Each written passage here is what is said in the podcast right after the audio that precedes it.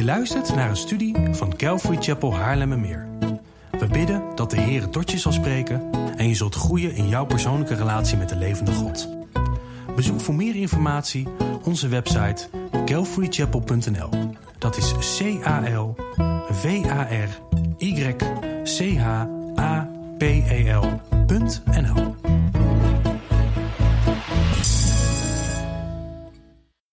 Als het goed is, hebben jullie die op mijn eh, WhatsApp-lijstje staan een berichtje van mij gekregen waarin, waarin ik vertel waar we het vanmorgen over gaan hebben.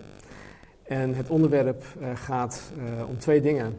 Eén is seks binnen het huwelijk. Het andere is Gods bedoeling met het huwelijk en hoe hij tot zijn doelstelling wil komen door middel van het huwelijk. Dus ik ga het vandaag hebben over dingen die, ja, ik weet niet of, of jullie ouders dat fijn vinden voor jullie kleintjes. Ik weet zeker dat uh, het hier in ieder, in ieder, geval in een, uh, ja, misschien een soort van klinische uh, manier behandeld gaat worden. Veel beter dan op het schoolplein.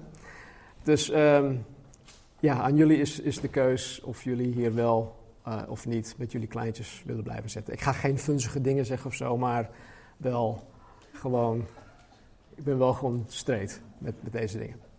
Ja? Oké. De eerste twee delen in de eerste twee delen van deze preekserie, genoemd het christelijk huwelijk als Gods geschenk, hadden we ontdekt dat het huwelijk inderdaad een geschenk van God is. Het is een geschenk aan God, van God aan zijn eh, wedergeboren kinderen. En we hebben in de tweede uh, sessie een start gemaakt aan het uitpakken van dit geschenk. Uh, we zijn begonnen om het uit te pakken om te zien hoe zo'n huwelijk eruit kan zien. Nou, vanmorgen gaan we verder met het uitpakken van dat geschenk. En wat ik net al zei, gaan wij voornamelijk kijken naar Gods bedoeling voor, voor seks binnen het huwelijk. En uh, ook hoe het christelijk huwelijk door God gebruikt wil worden om de liefde tussen Christus en zijn bruid, de gemeente, te tonen. Dat is een heel raar iets misschien. Uh, misschien dat is dit de eerste keer dat je het ooit hoort. Uh, ik weet trouwens dat weinigen in de kerk um, hier rekening mee houden in hun huwelijk dat het een veel grotere betekenis heeft, maar daar zal ik zo meteen ook wel uh, verder op ingaan. Dus als je je Bijbel meegenomen hebt, sla je Bijbels open op uh, 1 Korinthe hoofdstuk 7, vers 3 tot en met 5. Ik zal het hier op de slide uh, projecteren vanuit de herziene statenvertaling. En dan zal ik ook een stukje voorlezen vanuit, ik denk, het boek. Ja, het boek. Ja, het boek. Dus, 1 Korinthe 7, vers 3. Laat de man aan zijn vrouw de verschuldigde bereidwilligheid betonen en evenzo ook de vrouw aan haar man. De vrouw heeft niet de beschikking over haar eigen lichaam, maar de man. En evenzo heeft ook de man niet de beschikking over zijn eigen lichaam, maar de vrouw. Onttrek u niet aan elkaar, behalve dan met onderling goedvinden voor een bepaalde tijd, om u te wijden aan vasten en bidden. Kom daarna weer bij elkaar opdat de Satan u niet zal verzoeken, omdat u zich niet kunt onthouden. Nou, in het uh, boek staat het als volgt. De man moet zijn vrouw geven wat haar toekomt en de vrouw haar man wat hem toekomt. De man heeft net zoveel zeggenschap over het lichaam van zijn vrouw als zijzelf. En de vrouw net zoveel over het lichaam van haar man als hij. Weiger elkaar de seksuele omgang niet, behalve als u samen afspreekt tijdelijk geen gemeenschap te hebben, omdat u de tijd wilt gebruiken om te bidden. Maar daarna moet u weer gewoon samen, daarna moet u weer gewoon gemeenschap met elkaar hebben, anders zou de Satan u door uw gebrek aan zelfbeheersing in verleiding kunnen brengen. Tot zover. De apostel Paulus in dit gedeelte reageert op vragen van de kerk in Korinthe uh, over seks binnen het huwelijk. Dus de eerste brief is trouwens, uh, beantwoordt hij heel veel vragen die zij hadden. En hier ja, reageert hij dus op, op, op diverse vragen over seks binnen het huwelijk. En het antwoord dat Paulus geeft is, is algemeen. Um, hij gaat niet in op, op specifieke of bijzondere situaties. Het is, het is algemeen voor um, de doorsnee uh, christen. Het is bedoeld voor ja, als, er, als er zoiets bestaat, een doorsnee christelijk huwelijk. Waar bijvoorbeeld geen sprake is van een, een ongelijk span, uh, waarin één Jezus navolgt en de ander niet, want dat zou sowieso geen christelijk huwelijk zijn. Um, hij houdt ook geen rekening met, uh, met situaties waar je door ziekte of andere beperkingen, zeg maar, normale seks niet mogelijk is. Dus uh, hij, hij, hij, hij legt het neer als iets algemeen. Dus voor degenen um, waar seks binnen het huwelijk mogelijk is, in welke mate, frequentie of vorm dan ook, geeft Paulus deze instructies. De Bijbel leert ons in dit schriftgedeelte dat, dat ik als man mijn eigen vrouw seksueel moet bevredigen. Ik moet hierin de instelling hebben als van een dienaar. Ik moet, um, of ik hoor mijn vrouw op het gebied van seks te dienen. In de vorige studie hadden wij uh, in Matthäus 20 gezien dat wij als man en vrouw binnen het huwelijk elkaar sowieso in alles horen te dienen. Dus ook op het gebied van seks, want dat hoort ook bij het huwelijk. God heeft het zo ingesteld. Dus ook in het, uh, in, in, in, ja, of op het gebied van seks horen wij elkaar te dienen. Nou, het doel, dit, dit gaat echt dwars tegen de wereld, wereldse norm in, hè, wat, ik, wat ik nu ga zeggen.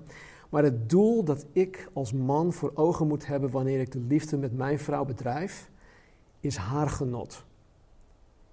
Het is haar genot. Het gaat om haar genot, haar bevrediging.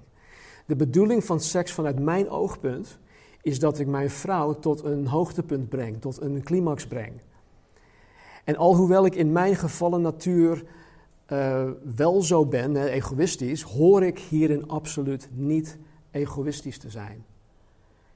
Ik mag het lichaam van mijn vrouw niet zomaar gebruiken om mezelf te bevredigen. Ik mag hierin niet zomaar mijn eigen ding doen en dan klaar. Nee, ik moet mijn vrouw bevredigen. Als je, um, als je op het gebied van seks binnen je huwelijk een, in, in, in, Gods in, ogen een goede man wil zijn, dan moet je gaan leren om je vrouw ook hierin te gaan dienen. Het is een groot onderdeel van het man en vrouw zijn, van het huwelijk. En um, vooral op dit gebied gaan dingen heel erg scheef. Dus leer je vrouw hierin te dienen. En ik, ik, weet het, ik weet het als geen ander mannen, wij moeten hier echt moeite voor doen. Het is niet vanzelfsprekend, het komt niet uit de lucht vallen. Uh, het is beter ook niet om, in een, om dat in een mannenblaadje te lezen of ergens online. Uh, het vereist communicatie. Het vereist communicatie tussen jou en je vrouw. En het, het vereist dat je liefdevol, dat je teder en dat je gewoon slim bent. Dat je de juiste vragen aan haar stelt. En dan ja, vooral heel goed naar haar luistert. Als je die vraag hebt gesteld. Want wij mannen, wij, wij moeten gaan ontdekken wat onze eigen vrouwen fijn vinden. Wij moeten erachter zien te komen hoe wij als mannen onze vrouwen kunnen bevredigen. Tegenwoordig wordt het beeld van seks geweld aangedaan. Door de wildgroei van de seksindustrie, door pornografie. dat slechts een paar muisklikjes of tapjes of swipejes eh, van ons verwijderd is. Het is voor iedereen, jong en oud, toegankelijk. En het misvormt het beeld van wat God met seks bedoeld heeft. Het misvormt het totaal. Niet alleen een beetje, maar totaal. Dus mannen, denk vooral niet dat wat je door middel van pornografie voorgehouden wordt, iets is dat je vrouw fijn vindt. Want pornografie is een leugen. Het is een leugen. Het is niet echt. Het is intens, maar het is niet intiem. Het is uit een boze. Pornografie is echt gewoon fout. Je moet het zo zien. De seksuele behoefte van je vrouw is als, als onbekend terrein. Het is voor jou als onbekend terrein dat ze te wachten om door jou ontdekt en geclaimd te worden. Net als die pioniers die in de, de 18e eeuw naar de, naar de Verenigde Staten toe gingen, die, die trokken van het oosten naar het westen toe tijdens die hele periode van de Gold Rush, 1849. Die gasten die, die waren pioniers en die gingen ehm, onbekend terrein gingen ze verkennen en, en claimen. En dat is eigenlijk uh, het, het beeld dat je voor ogen moet hebben wat betreft de seksuele behoeften van je vrouw. En daarom is het aan jouw man om je te gaan verkennen op dit terrein, om haar behoeften als het ware in kaart te brengen. Nou, wij mannen zijn vooral ehm, gericht op het visuele en op het fysieke. Maar bij vrouwen ligt dat vaak anders. Tegenwoordig zijn ook heel veel vrouwen in de wereld ook verslaafd aan pornografie, dus dat, dat gaat niet helemaal op. Maar over het algemeen ligt het bij vrouwen anders. Ehm, vrouwen zijn over het algemeen ook meer op uh, een emotionele binding. Uh, als, als je met mannen praat en bijvoorbeeld een man die gaat vreemd, en ik zeg niet binnen de kerk of zo, maar gewoon over het algemeen, als een man vreemd gaat, dan zegt hij vaak: Oh ja, maar schat, het heeft, het heeft niks betekend. Het betekende helemaal niks voor mij. Zij betekent helemaal niks voor mij. Er is geen emotionele binding wat de, man, wat de man betreft, maar bij vrouwen ligt dat vaak anders. Het is dus zaak dat wij mannen niet alleen te weten komen wat onze vrouwen fysiek fijn vinden, maar juist ook welke emotionele behoeften hierin voor hen, voor, haar, voor, voor hen, voor haar belangrijk is. Wat voor emotionele behoeften heeft de vrouw voor wat betreft seks? Wij moeten op het emotioneel vlak ook met onze vrouwen ja, connecten. Wij moeten die, die verbinding gaan zoeken om haar seksuele behoeften te kunnen bevredigen. Het is niet alleen fysiek. En, en, en dat, dat gaat ons als mannen, dat zal ons echt moeite gaan kosten. Ik denk dat wij een, een, een gigantisch, um, uh, hoe, heet, hoe, heet, dat, een... Uh, wij zijn bevoorrecht als christelijke mannen omdat wij de Heilige Geest in ons hebben wonen. En wij hebben de Heilige Geest keihard nodig om wijsheid en begrip te krijgen en daarnaar te gaan handelen. Seks hoort prachtig te zijn, hoort mooi te zijn, maar vaak is het ook heel wat anders. Nou, wat in seks binnen het huwelijk ook een, een, een belangrijke rol speelt, is hoe je überhaupt met je vrouw omgaat. Hoe je in je dagelijks leven met je vrouw omgaat. Het kan niet zo zijn dat je haar buiten het huwelijksbed niet liefdevol behandelt. dat je haar bij wijze van spreken over het algemeen negeert wanneer je thuis bent, omdat je ja, of achter je breedbeeld zit of achter je device of laptop, noem maar wat. Uh, ja, je komt thuis, je bent moe, oh, ik wil even niks, ik wil gewoon even chillen. En je vrouw die wil je aandacht hebben en je, je negeert haar gewoon. Dat kan echt niet. Het mag niet zo zijn dat je over het algemeen je eigen ding doet en haar, en haar slechts wat aandacht geeft wanneer je seks wil hebben. Zo werkt dat niet. Je vrouw moet zich te allen tijden, te allen tijden, geliefd, gewaardeerd en gewild voelen. En dat, dat gebeurt grotendeels buiten het huwelijksbed. Hoe jij je vrouw buiten het huwelijksbed behandelt, kan voor haar bepalend zijn in hoeverre zij bevrediging vindt in het huwelijksbed. Hoe raar dat ook klinkt, hoe onlogisch het voor onze mannen ook klinkt, het is echt zo. Ook je, je eigen hygiëne kan voor je vrouw belangrijk zijn hierin. Um, als je vrouw gevoelig is voor lichaamsgeuren, zorg ervoor dat je, heel plat gezegd, gewoon niet stinkt. Uh, douche vaker, weet je, poets je tanden, um, verschoon je kleding vaker. Ik heb, tot, tot Marge ergernis aan toe, heb ik soms een, uh, een ik heb een, uh, een ding. En ik heb in mijn kamer wat, haakjes geplaatst. Dus dan draag ik een broek. En ja, ik heb hem maar één keer aangehad, dus ik heb geen zin om hem weer uh, terug te zetten. Maar ja, ik vind het ook zonde om hem meteen in de wasmand te, te, te doen. Dus ik heb een haakje daarvoor. en ik denk dat als je nu naar mijn, naar mijn kamer toe gaat, heb ik iets van vijf broeken hangen op die haakjes. En uh, nou goed, dat Marnie's ergernis aan toe. Dus dat soort dingen, weet je. Zorg, zorg ervoor dat je je vrouw gewoon over het algemeen niet ergert. En uh, verschoon je kleding. En ik plaagde wel eens. Ik schat, als we naar de bouwmarkt gaan. Kijk, schat, ik hier, kijk, ik wil nog een haakje kopen. Dan kijkt ze me aan van, uh, nee. Weet je, nog iets, hè. Wij, wij, wij mannen mogen seks zeer zeker niet als een wapen gebruiken.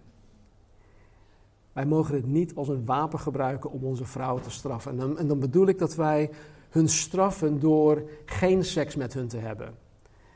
alsof zij het niet verdiend hebben. Dus nee, ik, ik, ik doe het dus niet. Bekijk het maar. Want Paulus zegt: weiger elkaar de seksuele omgang niet. Kijk, dit allemaal geldt natuurlijk ook voor de vrouw richting haar man. Als je een in Gods ogen goede vrouw wil zijn, dan moet je ook leren om je man in het huwelijksbed te dienen. Uh, zoals bij de man moet de vrouw ook haar uiterste best doen om haar man seksueel te bevredigen. Uh, misschien denken sommige van jullie dames wel, ja dat is eigenlijk wel makkelijk. Veel makkelijker dan andersom. Uh, ik laat hem gewoon zijn dingen gewoon doen en klaar. Maar ook op dit gebied moeten jullie vrouwen seks met je eigen man benaderen als, als een dienaar. En ook hier moet je je eigen man gaan dienen. En wat ik vorige keer ook zei, dat betekent niet dat uh, je zijn persoonlijk slaafje bent of andersom ook niet. Nee, dienen heeft een hele andere betekenis. Nou, ondanks dat mannen over het algemeen makkelijker seksueel te bevredigen zijn, is het net zo belangrijk dat een vrouw de seksuele behoeften van haar man gaat ontdekken. En ook dit vereist inspanning. Misschien niet zoveel als voor de man naar de vrouw toe, maar het vereist wel wat inspanning van jullie vrouwen. Ontdek wat hij fijn vindt. Ontdek wat hem opwindt, wat hem bevredigt door de juiste vragen te stellen. En ook hier geldt dat je gewoon goed gaat luisteren. Uh, doe geen aannames. Neem niet zomaar aan dat je man X, Y, Z uh, fijn vindt. Uh, omdat je het ooit in een vrouwenblad misschien hebt gelezen of online ergens. Ontdek wat hij fijn vindt. Als je man van geurtjes houdt, vraag hem wat zijn favoriete geur op jouw lichaam is. Um, het is namelijk zo, hè, als je een geurtje ruikt, oh, dit ruikt lekker. Maar dat wil nog niet zeggen dat het lekker op je vrouw gaat ruiken. Dus uh, het, ja, het heeft met um, chemische reacties te maken, volgens mij toch, uh, Matthijs? Um, anyway, niet, niet alle geuren ruiken even lekker op alle vrouwen. Dus ontdek dat hij, is, hij is de slimste man hier in de zaal, hè? dus dat, vandaar dat ik naar jou kijk. Um, niet alle geuren ruiken even lekker op alle vrouwen. Dus ontdek dat. Ontdek het samen. Ga naar de, hoe heet dat? De geurwinkel toe. Ja.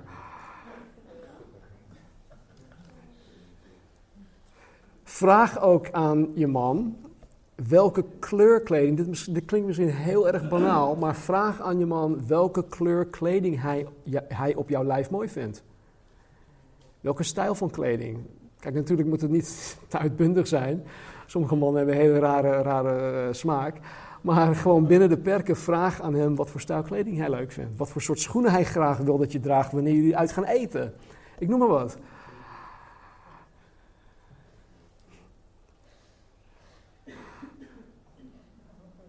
Draag niet gewoon elke dag je joggingsbroek of je leggings met die losse sloebershirt. Weet je, doe van tijd tot tijd iets leuks voor hem aan.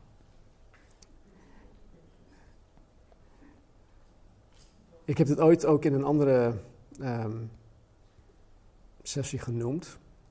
Ik denk wel dat ik het hier ook kan noemen.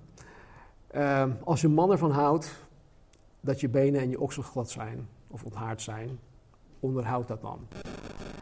Uh, je hoeft niet per se te scheren. Ik weet dat scheren vaak uh, een naar, naar gevoel geeft. Maar je kan jezelf tegenwoordig ontharen door middel van lichtpulsen, door wax, noem maar op. er zijn zat mogelijkheden om, om dat te doen. Um, ik ben geen expert op dat gebied, even voor de duidelijkheid, maar ik, ik, weet dat de mogelijkheden er zijn. En ook iets hè, wat, wat ook misschien heel erg um, over het hoofd, vaak, of, vaak over het hoofd gezien wordt, is, vraag aan je man wat het beste tijdstip is om seks te hebben. Soms komt je man uh, helemaal kapot thuis van zijn werk, dan heeft hij zoveel dingen aan zijn hoofd en ja, als je dan hem om de armen vliegt en zo schatje, schatje, schatje. Nee, dat, dat werkt niet. Weet je, dus, dus zoek samen naar een goed moment in je, in je, in je, in je, in je huwelijk. En, en doe dan ook je uiterste best om je schema desnoods aan te passen. Om hem daarin tegemoet te komen. En als, als je bijvoorbeeld kleine kinderen hebt, zorg ervoor dat de kids op tijd naar bed gaan. En nog iets. Wanneer jouw man, en dit is denk ik een, een best wel een, een groot ding voor mannen. Wanneer jouw man stappen zet in het ontdekken wat jouw seksuele behoeften zijn. En als hij zich echt op, oprecht inspant om jou te bevredigen, help hem dan hierin door daarop positief te reageren. Ga hem alsjeblieft niet uitlachen. Uh, zeg ook niks van, uh, oh wat ben jij een idioot. Of, uh, nee, probeer hem op welke manier dan ook gewoon positief te bevestigen. Het is man eigen om te willen weten dat hij de man is. Het is echt zo. Toch? Er wordt gelachen. Ja, oké. Dus wij willen gewoon weten, hé, hey, ik ben de man. En, en, en één manier om je, de man, om je man die zekerheid te kunnen geven en tegelijkertijd hem te bevredigen, is door hem op een of andere manier te laten weten dat wat, je, dat, dat, dat wat hij doet, dat je van hem geniet. Dat, je, dat hij jou bevredigt. Dat je het fijn vindt. Laat het hem weten. Weiger elkaar de seksuele omgang niet. Oh, dat had ik al gezegd. Ja.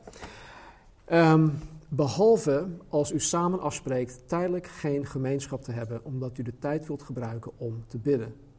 Maar daarna moet u weer gewoon gemeenschap met elkaar hebben, anders zou Satan u door uw gebrek aan zelfbeheersing in verleiding kunnen brengen. Paulus is hierin vrij duidelijk. Weiger elkaar de seksuele omgang niet. Gebruik seks niet als een middel om controle over elkaar te hebben.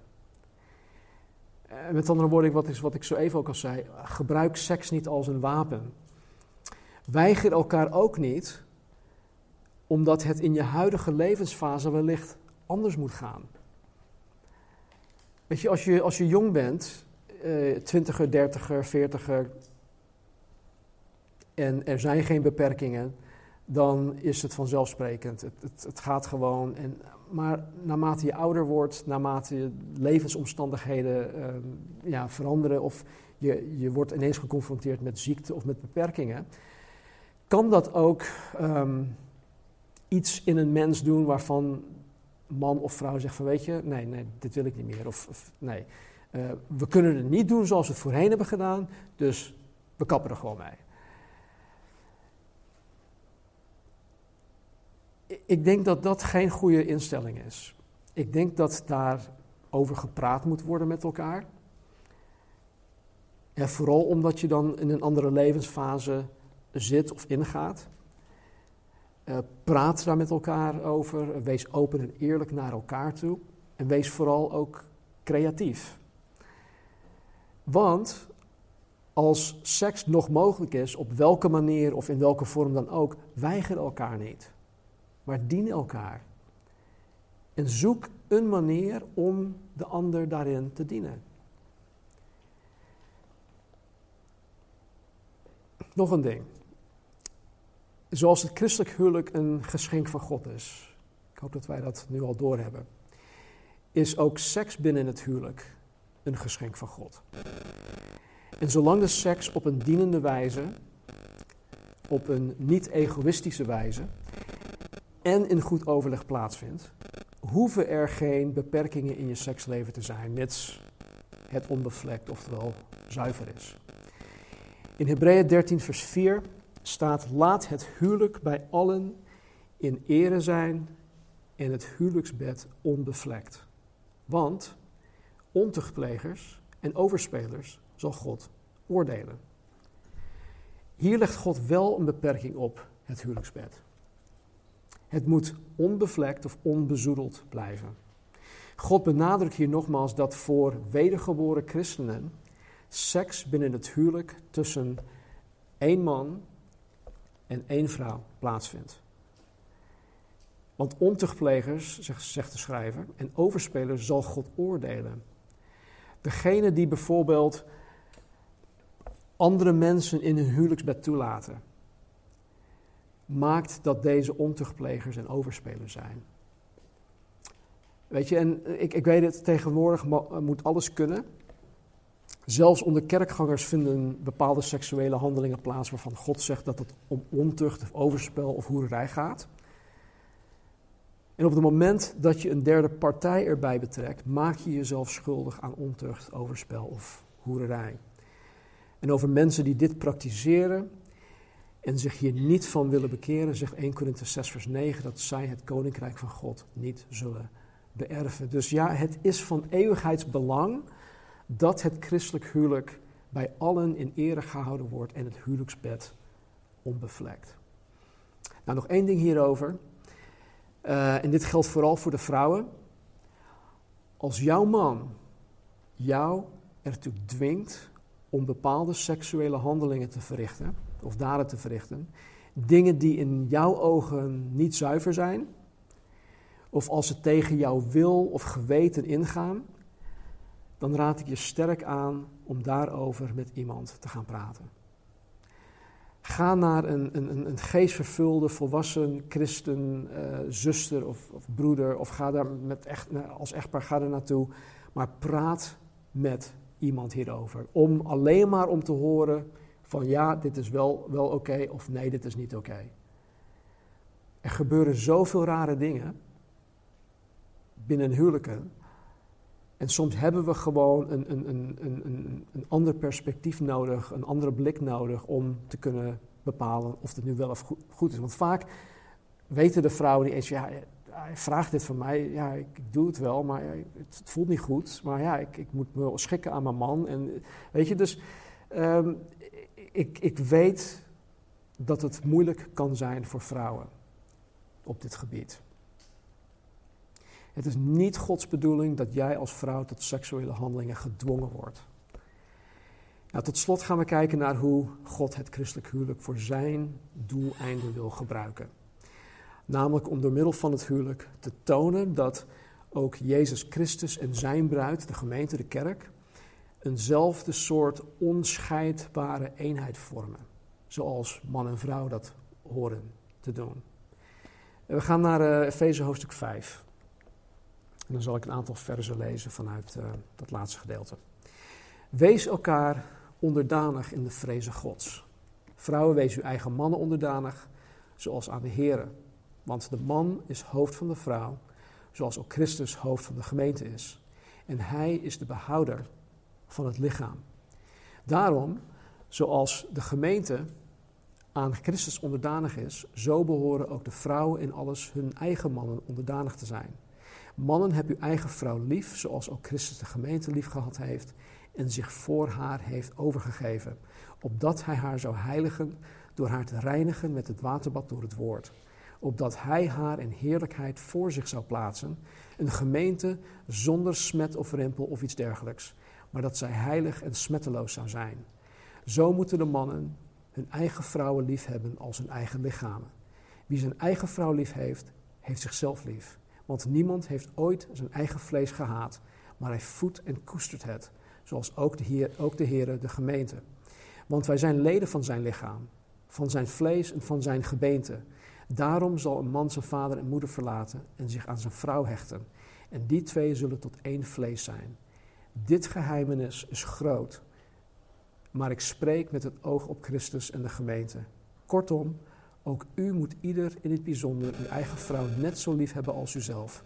En de vrouw moet ontzag hebben voor haar man. Nou, dit schriftgedeelte is chockvol met uh, waarheid en instructie omtrent het huwelijk. Uh, we gaan het uh, niet um, uitpluizen. In de volgende sessie of studie gaan wij de rollen van de man en de vrouw behandelen. Maar vanmorgen wil ik slechts inzoomen op één vers. Um, en dat is vers 32. In vers 21 tot met 31 onderwijst Paulus ons puur over het huwelijk. Tussen man en vrouw. Maar in vers 32 geeft Paulus er ineens een hele andere draai aan. Hij zegt: Dit geheimenis is groot, maar ik spreek met het oog op Christus en de gemeente. Elke keer wanneer jullie in het Nieuw Testament het woord geheimenis tegenkomen, dan moet je denken aan iets dat tot op dat moment niet geopenbaard is. Met andere woorden, het is niet geopenbaard in het Oude Testament. God heeft het tot op dat moment nog aan niemand laten weten. Maar op het moment dat een geheimenis dus um, bekend wordt, um, is, het, is het geen mysterie meer. Het woord, het woord uh, Grieks is volgens mij mysterion. En dat betekent dat iets dat in het verleden um, verborgen is gebleven, maar nu geopenbaard. Dus hij zegt hier, dit geheimenis is groot. Dus iets dat in het verleden uh, verborgen was, maar nu geopenbaard is. Uh, maar ik spreek met het oog op Christus en de gemeente. Dus we krijgen in dit vers een, een nieuwe openbaring van God. Nou, als we even teruggaan naar Genesis 2, wat Adam uitriep in Genesis 2. Been van mijn beenderen en vlees van mijn vlees. Dat en dan ook het verlaten van vader en moeder en zich hechten aan zijn vrouw om een onscheidbare eenheid te vormen. Die dingen gaan niet slechts om het huwelijk. Of die zijn niet slechts van toepassing op het christelijk huwelijk. Het laat ons ook zien hoe Jezus omgaat met zijn bruid, de kerk. Toen ik een aantal jaren geleden in, uh, in Duitsland op een huwelijksconferentie mocht spreken, had degene die de conferentie organiseerde een flyer gemaakt. En uh, op die flyer, uh, ergens onderaan, stond dit. Het huwelijk is Gods geschenk aan ons. De kwaliteit van ons huwelijk is ons geschenk aan God. Het huwelijk is Gods geschenk aan ons en de kwaliteit van ons huwelijk is ons geschenk aan God. En ik geloof dat, dat, dit, dat dit binnen het plaatje past dat de apostel Paulus ons gaf toen hij vers 32 schreef. Dat het christelijk huwelijk veel meer is dan slechts Gods geschenk aan zijn kinderen.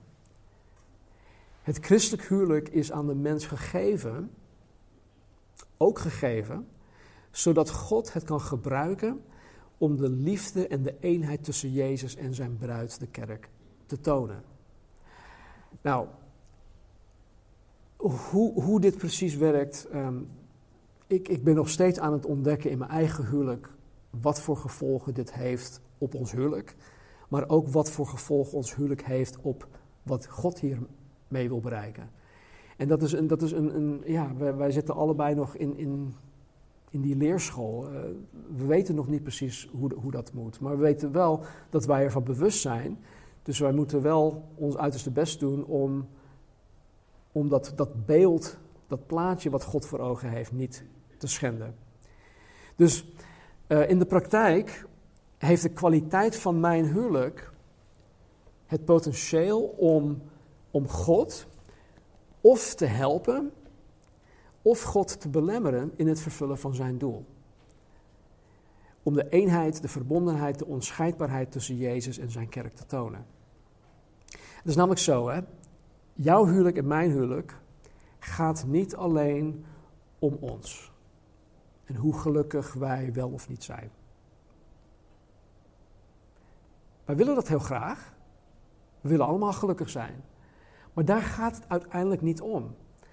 God wil onze huwelijken gebruiken om de wereld te laten zien hoe lief Jezus zijn kerk heeft en vice versa. En dit voegt een, een hele uh, nieuwe dimensie aan onze huwelijken toe. Dit geeft ons als mannen en vrouwen in het huwelijk een totaal nieuwe mate van verantwoordelijkheid.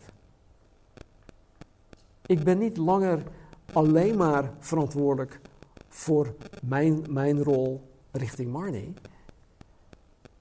Nee, nu, nu hangt er iets boven ons huwelijk dat veel groter is, dat om veel meer gaat dan alleen mij.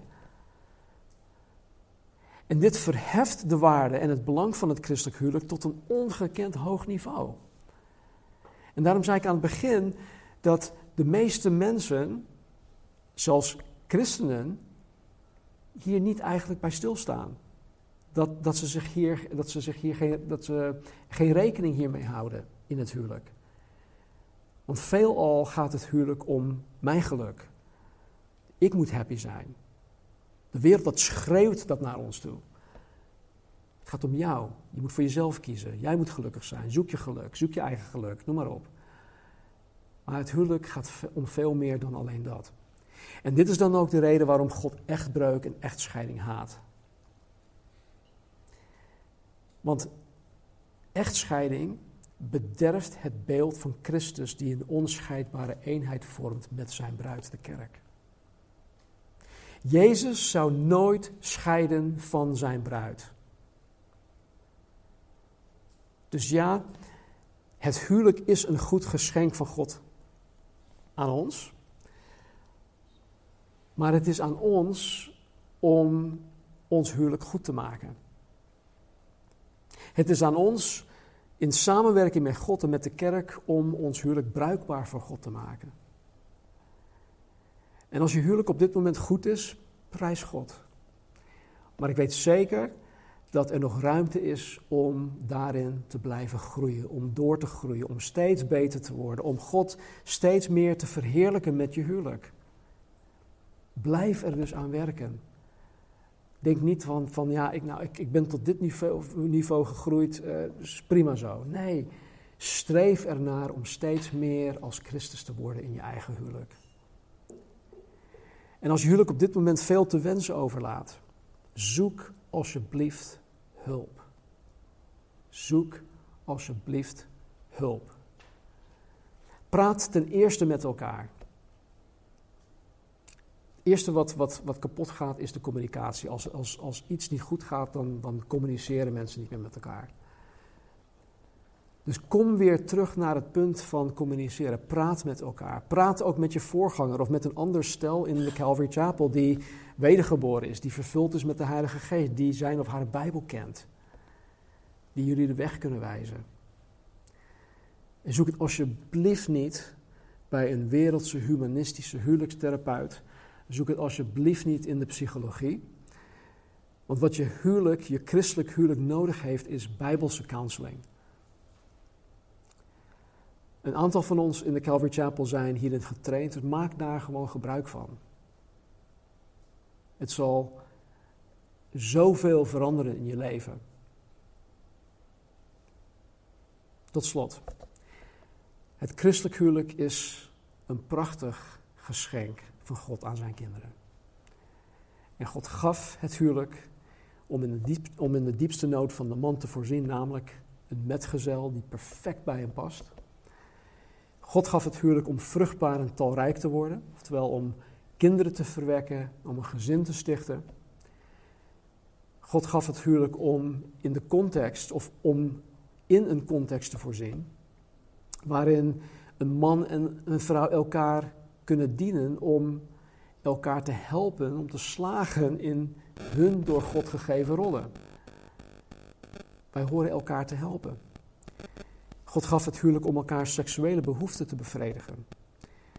En God gaf het huwelijk om in een tastbare entiteit te voorzien, waardoor God de liefde van Jezus voor zijn bruid, de kerk, kan tonen. Nou, volgende week gaan wij uh, verder met, uh, of dan gaan we hoofdstuk 5 van de Feest een beetje uh, meer uitpakken. We gaan dieper in op de rollen van de man en de vrouw. En dan uh, sluiten we deze serie af. Um, ja, dus lees Efeze 5, 21 tot 33 nog meerdere malen door voor aanstaande zondag. We gaan deze week ook een eh, pagina op onze website zetten. Waarop jullie vragen over deze preekserie anoniem kunnen indienen. En bij deze wil ik jullie ook aanmoedigen om dat te doen. Uh, ik weet nog niet of we na afronding van de serie een uh, QA hier gaan doen. Dat we hier vragen en de vragen gaan beantwoorden hier. Of dat we dat via uh, video of audio gaan beantwoorden. Dus daar, daar kom ik volgende week op terug. Um, maar stel je vragen. Dien die vragen gewoon in.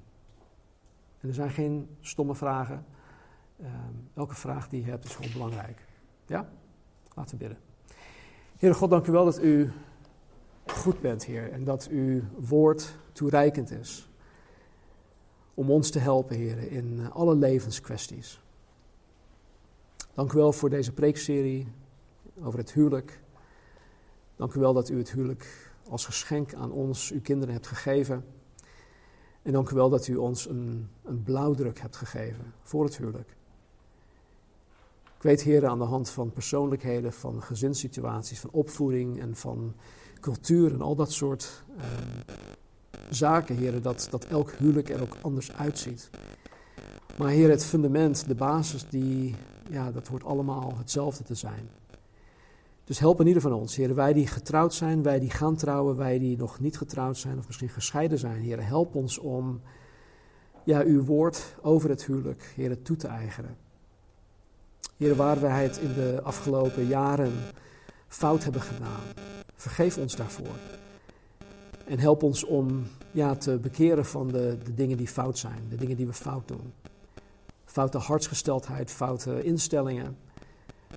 Vergeef ons en help ons, heren, om uh, ons daarvan te bekeren. En help ons om, ja, in uw ogen, goede mannen en goede vrouwen te zijn voor elkaar. Eerst zodat wij um, ja, het, het, beeld dat u voor ogen hebt van Jezus Christus en zijn bruid.